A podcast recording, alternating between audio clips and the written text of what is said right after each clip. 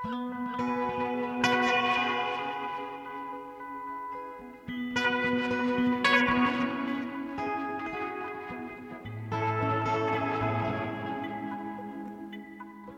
sæl kærlustendur.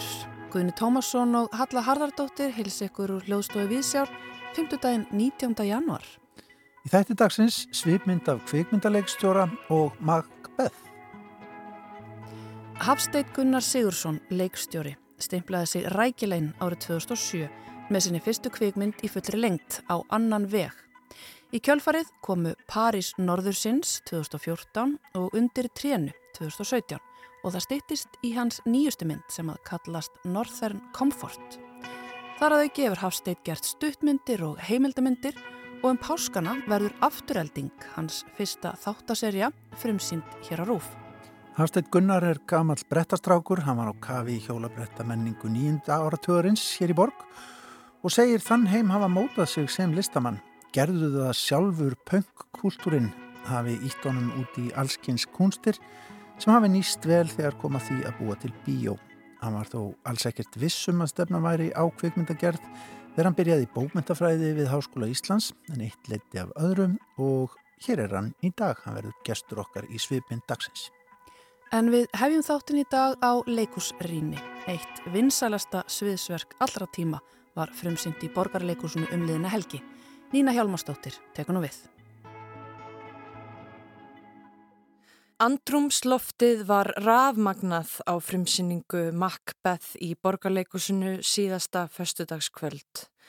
Mikil eftirvænting hefur ríkt yfir þessari síningu en ungur leiksturriða nafni Úrsule Bartó frá Litáen sviðsetjur þetta frægaverk Shakespeare's með leikfélagi Reykjavíkur sem á hróskilið fyrir svona metnarfulla uppsetningu.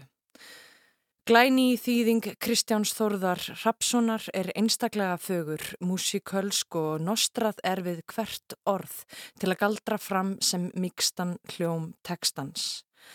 Dramatúrksýningarinnar er Andrea Vilhjálmsdóttir. Herföringin Macbeth hittir fyrir örleganornir þrjár sem spá því að hann verði konungur Skotlands. Það leiði til þess að hann, kvattur áfram af konu sinni Lavði Macbeth, myrðir hinn vinsæla konung Duncan og sest sjálfur í hásætið. En þar hefur eitt ódæði sett af stað óumfleganlega atbörðarás og líkin hrannast upp í kringum hjónin sem ríhalda í valdsitt trillt af óta og græðki. Persóna lafði Macbeth þykir mér best skrifaða hvern persóna Shakespeare's vegna þess hversu sannarlega ill hún er og fullviss í sínum rétti til illverka. Hún kallar á myrku andana að æsa morðhug sinn, umbreyta kyni sínu og stípla uppsprettu samvisku sinnar. Ég hef þess vegna pyrrast út í skilgrinningar sem takmarka hegðun lafðarinnar við kúun feðraveldisins og gera lítið úr hennar frjálsa vilja til að vera grimm kona, til að vera kona sem er ílskan upp máluð. Í þessari uppsetningu á skoskaverkinu spilar heið sjónræna gríðarstort hlutverk en leikmynd og leikmunir hinnar bresku Millu Clark eru veistla fyrir skinfærin og man ég varla eftir svona vel út í látinni og tæknilega krefjandi sviðsmynd. Í upphafi er sviðið tómt fyrir utan litla sandhrúu með bonsai trei, vin í eigðimörk En síðar byrtast stílhreinir færanlegir struktúrar eins og tignarlegt baðkar Macbeth hjónana og stórt langborð sem ætla má að sé vísun í fræga sviðsetningu núverandi Rúslandsforsetta. Leikmyndin er formfögur og stílhrein. Hún ítir undir óræðan tíma þar sem fortíð og framtíð fléttast saman. Kaldir pastellitir í lýsingu Pálma Jónssonar og myndbandsvörpun hans magna upp þennan sjónræna þátt. Sviðsmennir ganga um sviðið og dresserarnir hjálpa personunum að skipta um búning. Vinnuljósin eru kveikt við og við og stundum á sjá starfsmenn leikusins ganga um á hliðarlínunni. Kamerumadur með upptökuvél hleypur um sviðið en myndbandinu er varpað á veggin undir formerkjum Live Hero TV 13. Hér á augljóslega að afbyggja leikhúsið að einhverju leiti. Annað sem er greinilega hugmynd leikstjórans er að stokka upp kynjahlutverkin, láta leikonur leika karlpersonur, sem er svo sem ekkert nýtt í leikúsinu. En það sem hér er óljást er hvers vegna persóna lafði Macduffs er breytt í herra Macduff og Macduff hjónin því samkinn neyðir karlmenn. Ég er satt best að segja orðin þreytt á því að hins einleiki sé sviðsetur sem skreiting til að gera síningu meira töff eða til að forðast valda ójabægi. Þeir gerði það samt vel Björn Stefansson sem Macduff og Haraldur Ari Stefansson sem Herra Macduff og fekk kemistriðan millir þeirra að njóta sín í stóru partísennunni. En innistæðan fyrir þessari kynjabreitingu er samt sem áður óljós fyrir mér, fyrir utan það að hvern personunum fækkar um eina. Einn sterkasta mynd síningarinnar er heimur örlaga nortnana þryggja en skrifstofan þeirra hefur sovjaskar skýrskotanir með ofgnótt af skrifræði. Nortnirnar hafa anstíkilegan talanda sem nýstir inn að beini og leikonurnar tólka þessi sálarlausu hlutverk afar vel. Þær virðast stýra heiminum eins og brúðu mestarar þar sem hinar personurnar eru leiksoppar þeirra. Þær lesa til að mynda leiklýsingar beint úr handritinu sem ber logo borgarleikusins. Hins vegar minnast þær líka á leiðtóa sína sem vekur upp spurninguna hver sé í raun við stjórnvölin í þessum heimi. Tónlist Rappkjells flóka Kaktusar Einarssonar er fjölbreytt frá parti ráftónlist til drungalegra strengja hljóðfara og mikið í hana lagt en er þó of ágeng fyrir minn smekk og hreinlega drekkir tekstanum á köplum.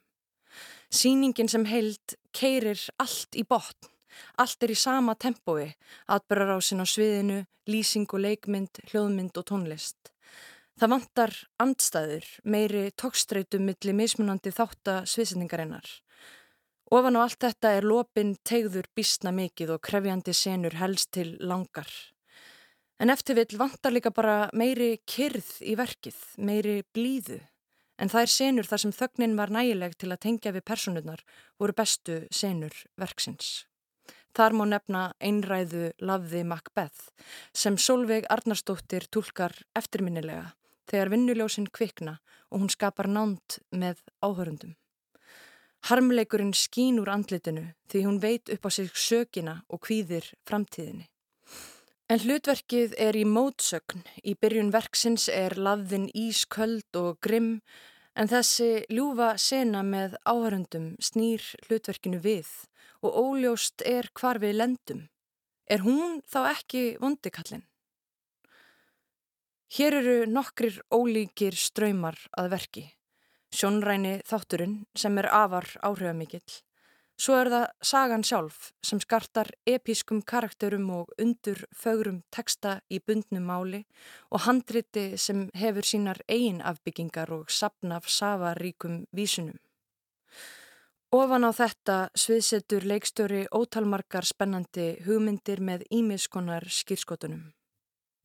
Þessir ströymar eru síningin, en það var eins og eitthvað yrði að verða undir og hér var það sagan og textin sem voru kaffærð af nálgun leikstjórans.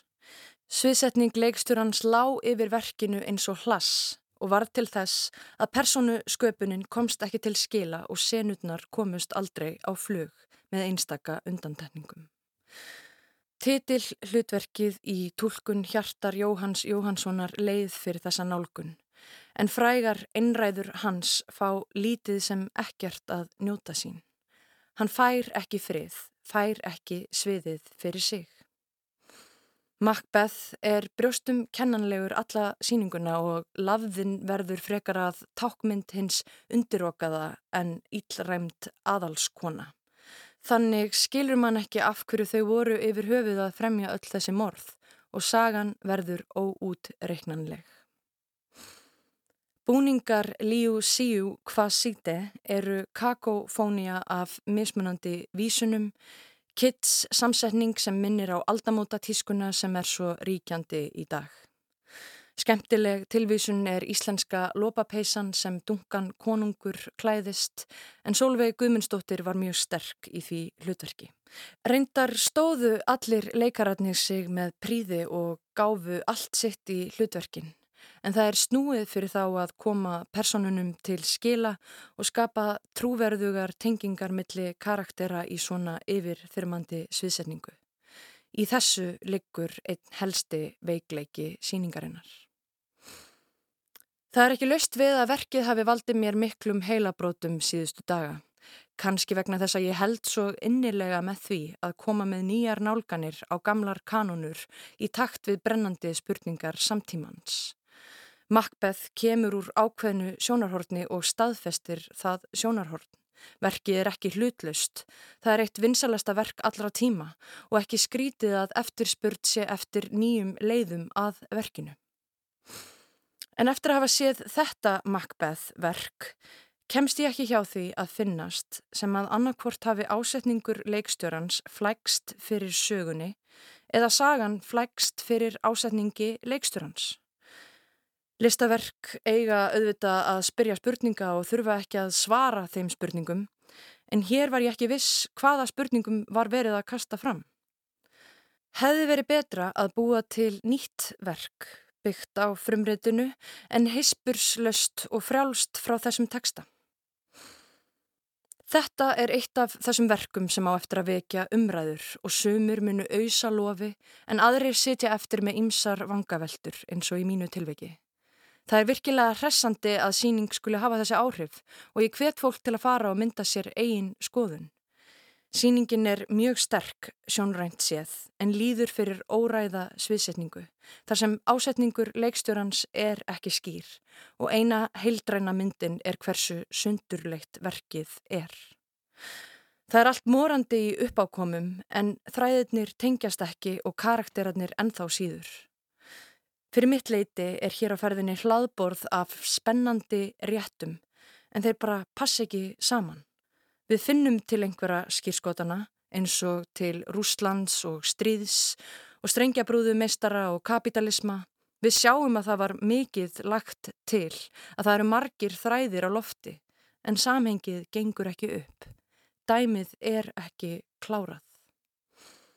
Eitt er þó vist að verk Shakespeares halda áfram eins og hingað til að vera vettfangur, listrætna, átaka og umræðu um ókomna tíð sagði Nína Hjálmarsdóttir um Macbeth eftir Shakespeare, leikritið frumsýnt um Linnahelgi í borgarleikursunu. En þá er komið að svipmynd þessara viku, svipmynd af listamanni og að þessu sinni er það kveikmyndaleikstjóri sem að fær sér sæti í hljóðstofu hjá okkur. Hafsteit Gunnar Sigursson ætti að vera flestum hlustendum að góðu kunnur. Hann kom ferskurinn, ný útskrifaður frá New York með sína fyrstu kveikmynd árið 2007 á annan veg. Í kjölfarið komu París norðursins og undir trénu og það stittist í hans nýjustu mynd sem að kallast Northern Comfort. Þar að þau gefur Hafsteit gert stuttmyndir og heimildamindir og um páskana verður afturhelding hans fyrsta þáttaserja frumsýnd hér á rúf. Hafsteit Gunnar setur fyrsta lægið á fónin.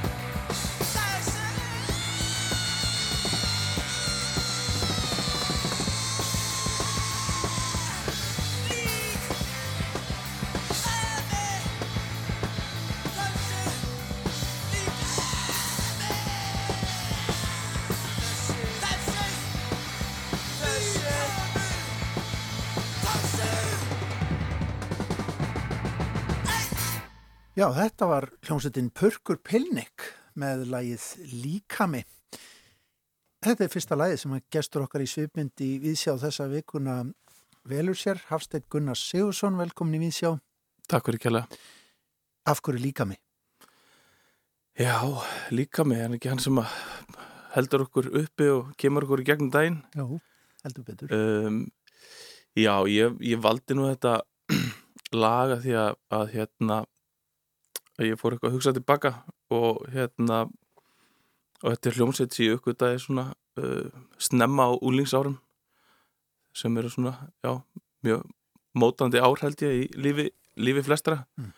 og á þessum tíma var ég að svona fara algjörlega kaf í hjólabretta yðkun og hérna og bara já, það átti einhvern veginn algjörlega hugminn og líkama allan og hérna og það svona er svona sterk tengsl hjólabretta senunar og við pöngið og hérna og það var einhvern veginn ótrúlega uh, áhugavert að það við ættum þessa pöngsenu að því að þetta er náttúrulega eitthvað sem gerir svona tíu árum áður, ég er að tala um svona upp úr snemma 90 eitthvað. Mm -hmm. þannig að, að það var svona heilmikil aukvöldun í því að það var eitthvað svona sem að var bæði inspirerandi og maður tengdi við og, og svona þetta, þú veist, á þessum tíma var hjólabrættasenan mjög svona underground sena, það voru það voru ekkit margir, það hefði verið svona svolítið hæp nokkrum árum áður. En við vorum kannski 20 strákar eilalt í Reykjavík sem að söpnuðu saman í bílageimslum bæjarins á vetuna þegar að það var kallt úti og, og hérna og þetta var svona, þetta svona bara daldi gerðu það sjálfur einhvern veginn svona viðhorf og uh, allt aldrei svona rátt og, og millilega laust og, og sem að mann svona fann einhvern veginn samhljóm í í pönginu sko Þannig að þau uppgötuði einhvern veginn að þarna sé saga í ykkar litla landi Akkurat, í okkar litlu búblu sko ja. þá fannst manni þetta náttúrulega einhvers þar aftan úr fortíð sko en þú veist það er kannski tíu ár hann að milli eða eitthvað sko og, og, hérna, og þetta var allt gamalt fólk bara sem hafi verið að gera ja. þetta og, og Tíu árum eldri Já, tíu árum eldri við, þú veist þannig að uh, já, þetta var bara heilmikið lukkutun og þú veist þetta einhvern veginn síðan, þú veist Rocky Reykjavík og, og, og, og þú veist það sem Einar Röld segir, já þetta skiptir ekki máli hvað þú getur heldur hvað þú gerir mm -hmm. og það var svona einhvern veginn hálgert, þú veist, motto og í kringu þetta þú veist, bæði hjólabretti var svona þú veist, ég hafi verið íþróttum bara mitt í handbolta og, og, og, og og svona innan þessa þú veist, það sem er svona mikil struktúr innan íþróttarhefingarnar og mann er alltaf svona sagt hvað maður er að gera og þetta er alltaf svona inn í einhverjum ákveðnum kossum en, en svo einhvern veginn uppgötta maður brettið og þá bara maður bara gerði það sem maður vildi og, og þetta var algjörlega undir manni sjálfum komið. Það var enginn þjálfari að segja mér hvað maður þetta gera maður bara fór og, og, hérna, og það var einhver svona, þú veist, bæði sköpun í því en þetta er líka íþrótt og maður bara í samkjörnum við sjálfa sig -hmm. og vinni sína mögulega og það var svona rosalega Já, mikið sem maður lærði um, um sjálf og sig, svona eftir á að higgja og, og þetta líka þurfa að fara að búa til allt frá grunni, þú veist, það var ekkit til staðar, það var ekki hjólabrætt að garðar, það var ekkit, mm -hmm. það var ekki aðstað, þannig að við vorum, þú veist, 14-15 ára farnir að hanga nýra á, á húninum á, á hérna, fríkirkjuvegi 11, þar sem að, hérna, uh, Íþróttu Tómsundaráð var á þeim tíma og, og, og byggðum peninga til að búa til okkar einn aðstöðu og fengu það í gegn, þannig að þetta var svona Já, við vorum mikið bara svona að, að, hérna, að búa til ákveðna senu og, og hérna, eh, bara já, algjörlega frá grunni. Menningar stjórnum bara. Já, mörguleitið sko og svo kom svona heil, heil mikið hæp í kjölfarið sko, svona nokkrum árum síðar og þú veist, það, vor, það var til dæmis ekki hjólabært að búða á þessum tíma, við vorum að panta alltaf utan og með faxtæki og það kom nýjur pöntunlista tvísvara ári og það var bretti brotnaði, þá kannski áttum maður ekki bretti í tværvíkur og það var hræðilega veist, lang, langu tími að að berast frá Ameríku og, og þetta var svona, það var allt, já, miklu fjarlagara einhvern veginn, sko. Þessi sena og lærdómurinn úr henni hefur auðvitað, já, nýstir vel í seninu sem þú ert í núna í kveikmyndagerð. Já, algjörlega og einhvern veginn upp á þessu líka bara kviknaði áhugin minn á kvikmyndagerð vegna þess að hluti af þessu var að búa til hjólabretta myndbönd sem var mjög stór hluti af öllu saman. Þannig að, að við svona uh, já, vorum að það, það var partur af þessu öllu að vera með Vafáes myndavel og, og, og, og taka upp það sem var verið að gera og svona dokumentera, þú veist, ekki endilega bara trikkinn, það var náttúrulega aðalatrið en svo var alls konar aðri hluti sem slættist inn í það og, og þetta séðan var klift saman á mjög frumstæðanhátt þar sem að uh, maður fór með videótæki heim til vina sín sem það sem var annað videótæki og þau voru tengt saman og, og svo var þetta klift saman á svona, já eins frumstæðanhátt og hægt var sko þannig að, að það var eitthvað sem maður læriði og, og tók út úr þessu og í raun og veru bara kviknar minn áhjá kveimdagerð þarna á þessum tíma mm -hmm. Grýpur ennþá í hjólabrættið? Alls ekki nóg mikið, uh, ég á bretti, uh, svona í setni tíð hefur snjóbrettið eiginlega svona tekið við, það held ég svona hendar uh, fólki sem er komið af léttast að skeiða aðeins betur, það svona er kannski, þú veist, hægt að gera það á svona, svona slakari hátt sko. Og er þá líka kannski luta af ykkur svona fjölskyldu yðkun líka og, og svona. En já, ég ábretti og ég ferða stundum svona á milli staða mm -hmm. en ég er því miður alveg hættur að, að hérna, fara og reyna að hérna, gera ykkur trikk og, og hérna, mm -hmm. eitthvað svoleiði sko. en það enda þarf maður að vera í ansið góðu formi til að, að hérna, geta það Algjörlega, mm -hmm. þetta er nú bara einn hættulegasta íþrótt í heimi Já, ég veit ekki. Beinbrót eru mjög Já, eflaust, ég, vei, ég veit það ekki samt sko, maður, veginn, maður lærir algjörlega þetta og maður lærir að beita sér og, jú, jú, eflaust. Þetta er allt hættulegt. Nei, einmitt, það er, það er allt hættulegt í lífinu. Já, já, það er hættulegt að fara í strætu mm. En hérna, þessi uh, þessi vinna við Vafa S-bólunar Já. uh, Þróaðist hún svo bara yfir í það að fara að gera fleiri stuttmyndir eða hvernig þróaðist þetta? Já, í raun og veru, svo náttúrulega bara einhvern veginn kosmaður aðeins til vitsóra og, og hérna uh, þú veist, maður fór í videoklubbi í, í MR og, og hérna svona aukvöldaði bara bíómyndir og þú veist, bókmyndir í raun og veru og hérna og uh, þannig að svona brettið einhvern veginn hvarf á einhvern tíum punkti en, en eftir var, þú veist, áhugin á, á, á kveimdagerðinni og, og fór, fór að gera stuttmyndir og heimildamindir og, og allt það sko. Áttuður einhverja eina upplifun sem opnaði augun og, og hérna, síndiði fram á möguleikana um eh, og svona, þú sást fyrir því, þangað ætla ég? Uh, Var hann til kveimdagerð? Já, uh, sem þú sást.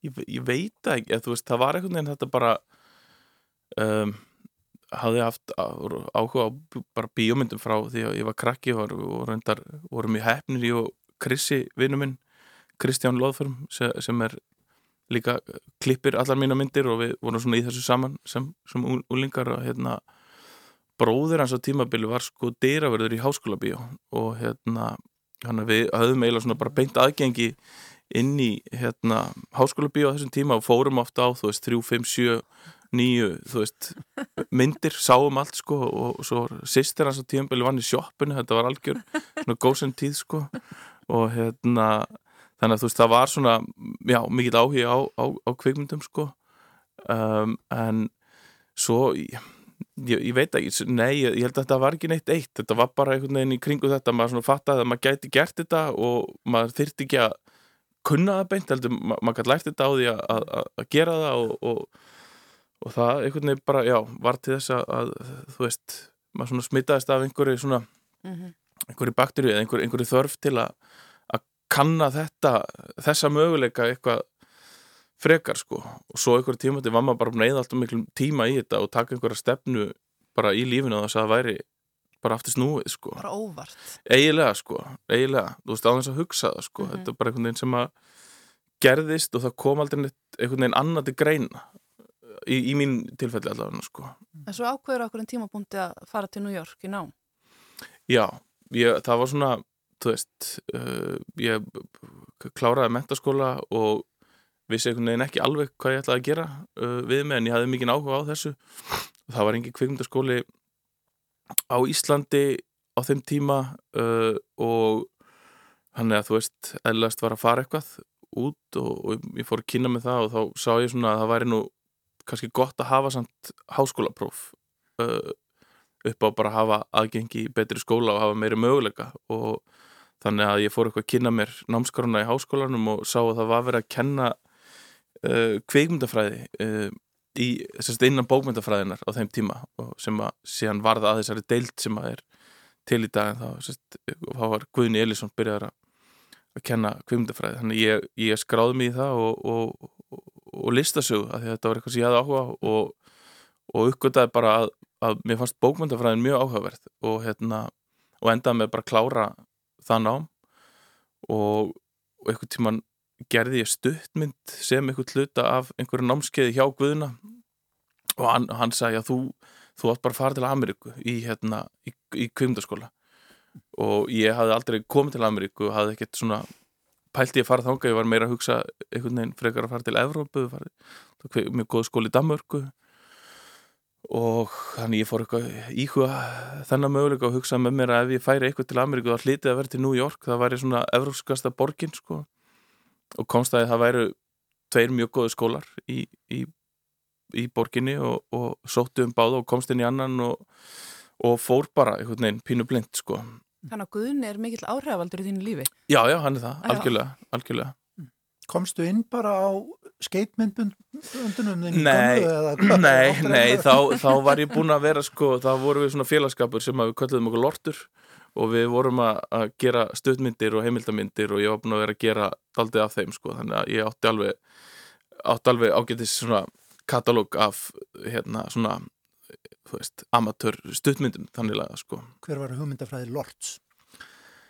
Það var það var dálítið punk, já, svona dogma, dálítið punk sko, þú veist uh, og, og náttúrulega mjög áhugaverið tímar, þetta var þegar að bara stafræna tæknin var að reyða sér til rúm sko og varður ósa hérna bilding bara í vídeo á þessum tíma bara þarna upp úr 97, 8 að bara Vaff og S-ið sem var svona ekki tjælega frábær gæði í því sko það, að það hérna, kem, koma hann að digital videokamerur sem að breytti því mjög mikið og, og hafði rosa áhrif á kvimdagerðið mitt. Akkurat dogma dæmið var alltaf að gerast þarna og ég mitt bjó í Kaupmannöfn 98 og þegar Idiotinu kom út og Festen og þetta og þetta var mjög svona þú veist, talaði mikið inn í það sem maður var að gera og hugsa sjálfur á þessum tíma sko, þú veist, þú getur bara farið út og gert og í veist, ágæti skæðum sko. mm -hmm. og, og, og hvort að ég skrifaði ekki björn gerð um þetta akkurat um þetta áhrif stafrættin tækni á,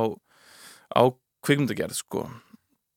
og hérna þannig að já, lorturinn var svolítið svona spratt upp, upp úr þessu sko mm.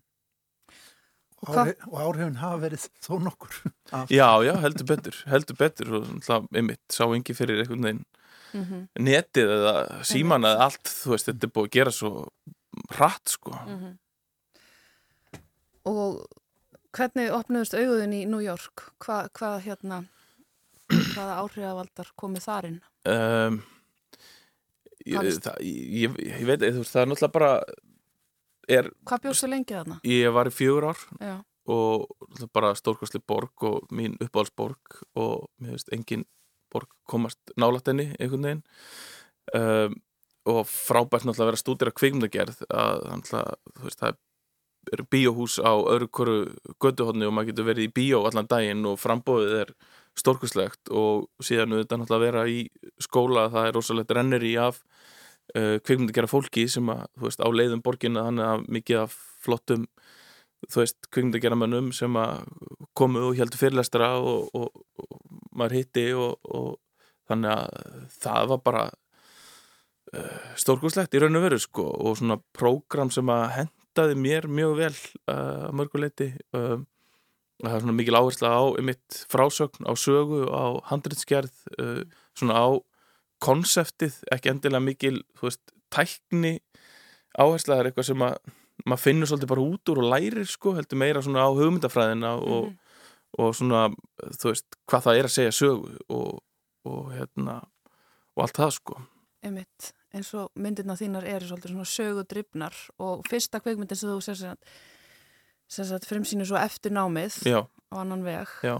hún er, setur svolítið tónin svona fyrir þitt höfundaverk Já, manneskjur í einhverjum aðstæðum. Já, já, Sem þær vilja kannski ekki endilega Nei, nei, nei, nei, þetta er svona pínu tilvistalegt sko Já. og hérna, já, algjörlega ég hérna, sko, ég ætlaði nú að gera aðra mynd þegar ég útskrifast, ég var búin að vera að þróa, hérna handrit upp úr kvildadögum fyrstu skaldsögu Braga Ólafssonar sem aftur tengist eh, purkinum, sko og hérna og var komið held ég bara frekar gott handrit stórkostli bók og, og hérna, og var komin á bara uh, einhvern veginn manta einhvern veginn herslumuninu upp á að það væri myndin er fjármögnuð og, og, og færi í gang bara þannig árun eftir ég útskrifast. Það var 2009 og en svo eins og svo oft í kvikmyndagerð þá hérna þá gengur það ekki upp og hérna og þetta einhvern veginn fellur um sjálft sig og ég var mjög vonsökinn og dabur yfir þessu og, og búin að eða miklu púðri að þróa þetta handrit og, að koma þessu verkefni á koppin og en var einhvern veginn bara staðráðun í því að ég ætlaði að gera bíómynd og það er einhvern veginn svona mjög svona erfitt stökk alltaf í held ég í ferli flestra kvikmyndagera menn að fara frá stuttmynd yfir í eh, mynd í fullir lengt af því að þetta er einhvern veginn svona hálfgett Cuts 22 sko að það vill engin fjármagna fyrstu mynd af því að þú hefur ekki gert fyrstu mynd og en hvernig áttu að gera fyrstu mynd þegar þú hefur ekki gert hann og það vill ekki fjármagna? Þannig að maður verður einhvern veginn að vera pínu skapandi og, og leita leiða. Þannig ég ákvaði að ég bara ætla að gera bíómynd sem að væri bara með tveimur leikurum og það myndi bara þú veist, vera hægt að lækka allan einhvern veginn svona kostnað í kringu það uh, gera bara low budget mynd en á þess að, veist, að slá af sko listrænum gæðum myndarinnar Mhm. og, og gera hana mjög hratt og veist, ekki fara í gegnum allt fjármagnunar ferli sem tekur mörg ár heldur bara skrifa hana og, og, og þetta var í februar sem ég fekk þessa hugmynd og hún var komin í tökur í júli sem að einhvern veginn, já, var smá kraftaverk Mhm. og henn var ótrúlega skemmtilegt verkefni og svona svolítið punk og, og svolítið svona utan við og, og allt það og hérna já, bara mynd sem að minn þykir rosalega væntum sko. Alveg frábær mynd. Já, takk fyrir það. Já, ég held að það sé bara komin tími á að setja næsta lag á fónin. Við skulum bara setja það á fónin og fá að heyra við lóklagsins af hverju þú valdir þetta lag. Hafsteinn Gunnar Sigursson, leikstjóri sem situr í hjá okkur Guðna í svipmynd í Viðsjá.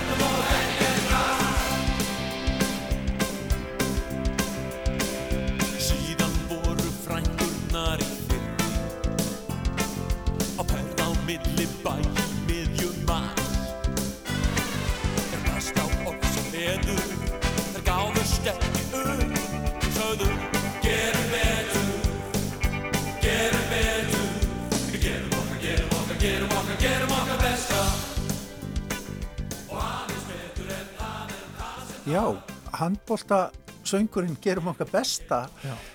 Það er HM í gangi. Ertu á nálum með því? Ég er bara að fara á límingunum sko. Gjörsamlega. En það er ennú smá Já. ástæða fyrir því og velur þetta lag. Þú Já, já. ert búin að vera að hugsa mikið um handbólta eða ekki undarfari. Jú, ég er búin að vera því og ég uh, spilaði handbólta ég, ég fylgist eiginlega ekki með íþróttum en ég fylgist alltaf með stórmótum í handbólta og það er einhvern veginn svona og fer algjörlega með tögakerfið í mér að gera það og ég á eiginlega ekki að gera það en hérna um, já, ég er sérst búin að vera í tökum á sjómarserju sem að heitir Afturölding og bara tökum lauk bara hreinlega í gær til hamingi með það. Já, takk fyrir kjalla. Eigur reyndar eftir þrjá daga vegna að það fór að snjóa svo heftalega hérna fyrir jól að við vorum búin að taka upp hérna allt saman í, í sagt, engum snjó og svo gerist það þannig að það er ekki alveg svona samhengi þannig að við þurftum að bara býða við þurfum að býða þetta eins á okkur. Uh, en sagt, þessi seria fer í síningar hérna á Rúf núna um páskana. Þannig að þetta eru átta þættir og, og fjalla um já, svona gamla uh, 90s þjóðhetju gamla handbóltahetju uh, fyrirliða íslenska karla handbóltaliðsins sem er uppskálduð uh, en svona sett inn í ákveði samhengi.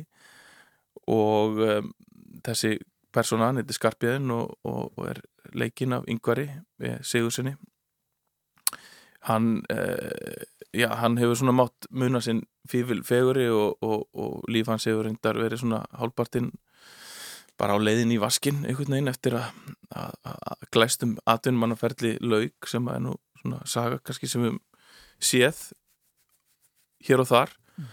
Uh, hann er dregin upp af sínum gömlu félögum í Moselsbæ hjá afturöldingu og er bóðin þjálfarastaða sem hann er svona nokkuð ánæða með.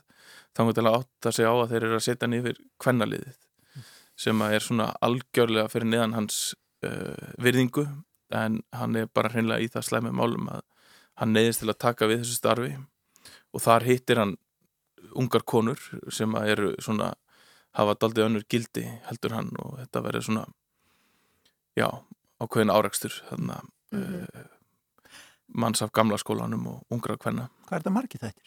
Þetta eru átta þættir Mér heyrist þetta tala frekar svona lóðbeint inn í samtíma okkar.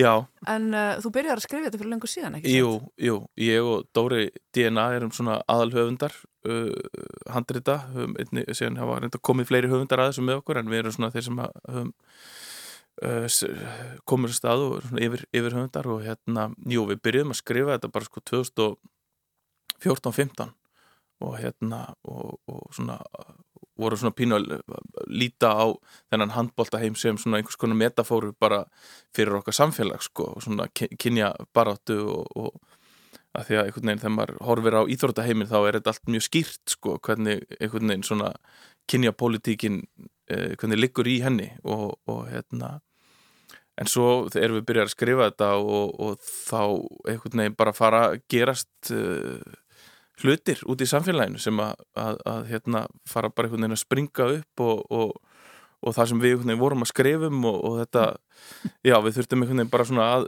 þú veist, uppfæra okkur sko, bara í taktu það sem var að, bara að gerast og það var mjög, mjög áhugavert að einhvern veginn að, að sjá það einhvern veginn bara raungerast sko út í, út í samfélaginu Mhm. þannig að já, þetta er mjög svona já, gaman að þetta sé loksins komið á koppin sko, þetta ég veit ekki hvort að Kannski hár rétt um tíma. Já, ég held það reyndar sko að, að það sé það og kannski var þetta nefnilega bara aðeins kannski, já dagskrárgerðar stjóri hér vil meina allan að þetta hafi ekki verið tilbúið til síninga fyrir þreymur ára eða samfélagi hafi ekki verið tilbúið, ég veit það ekki. Mm. við, sjá, við, sjáum hva, hvað setur þetta. Á örglega eftir eitthvað að, að hræru upp í hérna, einhverjum, Vonandi. Já. Við erum búin að hoppa hérna yfir auðvitað, við náum ekki að fara yfir allt en Nei. en það má nefna svona tvær til dæmis svona, já, áþekkar tragikomedíur sko, það eru Mm. undir trénu og París Norðursins sem, a, Mhm. sem a eru hérna í middeltíðinni 2014 og 17 mm -hmm. um, en þú veist, núna ert þú að skrifa þarna ganga frá sjö, þáttum sem sagt, mm -hmm. svo ertu með aðra mynd í vin- vinnslu sem heitir Northern Comfort Já. og erum fjallar um flugræðslu Já, já. um, sko, og þú ert alltaf eitthvað að skrifa ertu Mhm. búin, að, byrja, búin að skrifa því langt inn í framtíðina ertu með mörg handrit í, Eh, í tölvunni sem eru Nei, því miður Ekki komin í sko. fjármögnunarferli. Já, því miður sko eða, e, þú veist, þetta, það er einhvern veginn síðustu ár hafa, púðri hefur algjörlega farið í þetta, bæði þessa seríu og, og svo Northern Comfort sem er bíómynd sem er e, nánast tilbúin og er, er hérna sérst, mín fyrsta mynd á ensku í fullengt og hérna e, og þetta átti þetta, þetta ég var í tökum hans myndi í janúar til mars og, og svona vallan á að klára hana þegar tökur á seríunu hófust og þetta átti aldrei að vera svona þetta átti ekki að vera einhvern veginn svona oníkvort öðru en það gerðist. Og fyrir viki þá hef ég ekki haft tíma til að, að, að, þróa uh, nýtt handrit í, þú veist, síðan tvö ár, en, en það eru hugmyndir vissulega sem að, eru, sem að býða þess að, að, að það veri tekið utan við þær og, og, og þær fái hérna ást og alúð og, og allt það þannig að, ég er mjög spenntur að bara með sumrinu að fá bara svona svigrum til að fara að vinna að næstu, næstu handritum sko, já. Fá að hugsa bara upp á nýtt. Já, eða svona, já, upp á nýtt og, og svona, það, þú veist að þetta er alltaf einhvern veginn svo lengi í malli, þú veist, Mhm. maður færi einhvern veginn hugmynd fyrir mörgum árum og hún, maður veit ekki alveg hvað hún er, sko, fyrir, þú veist, að eitthvað gerist og Mhm. maður hattar alltaf einhvern veginn samhengið eða einhver önnur hugmynd kemur og, En þú segir hérna, já, þetta er þín fyrsta mynd á ennsku. já, Hvað þýðir það? uh, það því myndin er bara með alþjóðlegum leikurum Já, sem að, þessi- já, Hvað fyrir þig sem leikstur? Já, já, það er náttúrulega bara eftir að koma í ljós, það er ekki búið frum síðan myndina, Nei, nei, nei. En er öðruvísa leikstur fólk hjá um, í grunninn ekki nei, uh, í bara þú veist, auðvitað annað tungumál og maður er aðeins uh, heftari í tjáningu ekki á sínu eigin móðumáli en nei, þegar þú ert með frábæra leikara þá uh, bara skiptir einhver máli sko. Uh, uh, ég, það, það var ekki mín upplifun sko, ég hafði gert pín, svolítið á því náttúrulega því ég lærði, ég var í námið út í bandaríkjunum að, að, að þú veist gera stuttmynd og, og, og, og æfingar í skóla og svona, þú veist, á, á ennsku þannig að veist, þetta var ekki eitthvað alveg nýtt en, en hérna, nei en ég, ég, mér langaði bara að geta unnið á fleiri tungumálum í raun og veru þegar, þú veist, Ísland er bransin hér er mjög lítill og, hérna, það er mjög takmarkað fjármagn til að gera bíómyndir og það líður þá alltaf daldið langt á milli. Þannig að ef maður ætlar að geta veist, unnið á aðeins meiri hraða og meiri afkostum þá held ég að maður þurfa að geta uh, já, unnið á öðru tungumáli Mhm. En kannski svona almennt, hverju þurfa mannkostir leikstjórans að vera? Já, einmitt. Það held ég sé rosa, það er ekkit eitt held ég. Þetta er náttúrulega bara, ég held að þeir séu allir jafn ólíkir og þeir eru margir og, en ég held að það sé alltaf gott að vera góður í samskiptum og geta svona útskipt fyrir fólki hvað það er sem þú ert að reyna að ná fram sko. Og og hlustað líka? það er bara, það held ég, það allra mikilvægasta. Það er að hlusta á fólk og hérna, hlusta á fólki í kringu sig og einhvern veginn ekki láta egoið þvælast fyrir sér heldur því að það skiptir engum máli hvaðan góður hugmyndir koma. Það er bara, ef það nýtast verkinu þá er það alltaf kostur. Uh, þú veist, og einhver saði að það að vera góður leikstjóri er að, ráða fólk sem er betri en þú í allar stöður í kringu þig og ég held að það sé mjög rétt en þetta snýst bara rosalega mikið um uh, samskipti Mhm. Við erum komin næstum á lókum, við ætlum Mhm. að leifa að setja eitthvað á fóninu lókum reyndar, Mhm. en hérna, fyrst allar Guðni að spyrja það fyrstu prústspurningarinnar, eins og hefðin er hér í lók þessa spjalls. Mhm. Já, og þetta er svona tegjanlega hraðaspurningar Mhm. mm um, Uppáhald skáldsagna personaðinn úr bíó eða bók hver er hún? uh, ég verð bara að segja núna aðalpersona úr kvildadöfum og ég, hérna það er að fyrsta sem kemur upp í hug Já. Mhm. Myndin sem á enn eftir að sem maður enn eftir að gera Já. Um, hvaða persónuenginni skilgrinni þið best? uh, ég bara er mjög geðgóður maður þó ég segi sjálf frá. Vá, gott að geta bara kvita af það. Uh, Hvað óttastu mest? Húf, það er svo margt maður, shit, hérna, ég get verið, farið mjög djúft í einhvers konar hörmungar hyggju sko og kvíða jafnvel og bara séð, hérna, satan í hverju hodni sko, þannig að hérna, bara, það er bara, þú veist, missa heilsuna eða eitthvað, ég er bara mjög þakkláttur fyrir að hafa hana og ég bara, hérna, já, ætla ekki bara. Mhm. Herðu, góðsvör, Hafsteinn Mhm. Gunnar Sigursson, Takk fyrir að vera með okkur hérna í svipmynd Mhm. í Vísjá. Verður spennandi að fylgjast með verkefnunum framöndan. Við Takk fyrir ætlum það. að setja gott lag á fónin hér undir lok þáttar. Já. Hvað veluru? Ég ætla bara að bjóða upp á kraftverk uh, veljum aðeins það besta hér. Uh, hérna uh, það er, kraftverk er mikill áhrifavaldur í, í, í svona þegar kemur að fagufræði bæði einhvern veginn hefur maður sótt einhvern veginn í pöngið og þetta svona ráa millilega lausa en svo líka sæki ég líka í þetta svona fáaða og heilsteifta og, og svona formfasta og, og bara dáist að einhvern veginn svona þrautsegjunni og uh, einhvern veginn bara það sé ekki kvikað frá konseptinu og þetta er einhvern veginn allt saman búið til, þú veist, frá því að búa til þú veist, hljóðfærin til að búa til hljóðin yfir í heildar myndrænu þú veist, bíóupplifununa sem tónleikandir eru þú veist, að einhvern veginn það er þetta, þetta heilsteifta Mm. uh, sem að ég já, bara hefur ég, mér finnst mikill innblástur sko og svo hef ég nú hjólað mjög mikið í gennum tíðina hjóla rosalega mikið mjög stutt en ég tók bílpróf uh, gerði það bara af illir nöðsinn til að geta skuttla börnum fyrir þreymar árum síðan en ég fer helst allar að minna ferða á hjóli ef ég get og já Kraftverk líkur svipmynd. Mhm. Hafstur Gunnar Sigursson, takk hérlega fyrir komuna.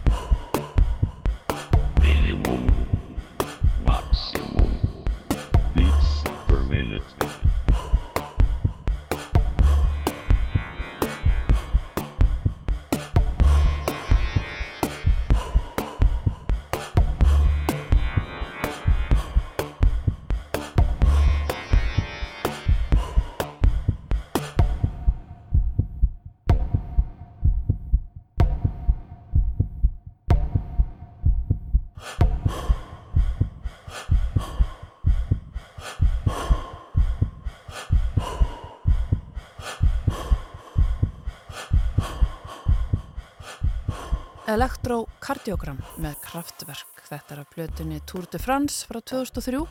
Það var Hafsteit Gunnar Sigursson, kvikmyndaleikstjóri, sem að setja þetta lag á fónin hér undir lók samtals okkar. Kraftverk er hljómsveit sem að hann hefur löngum dáð, ekki síst fyrir staðfestu og skýra sín þegar kemur að fagurfræði. Og þessu lagi líkur við sjá í dag ágættulustendur. Við verðum aftur á mánudaginn hér með ykkur klukkan 16.05 á okkar tíma.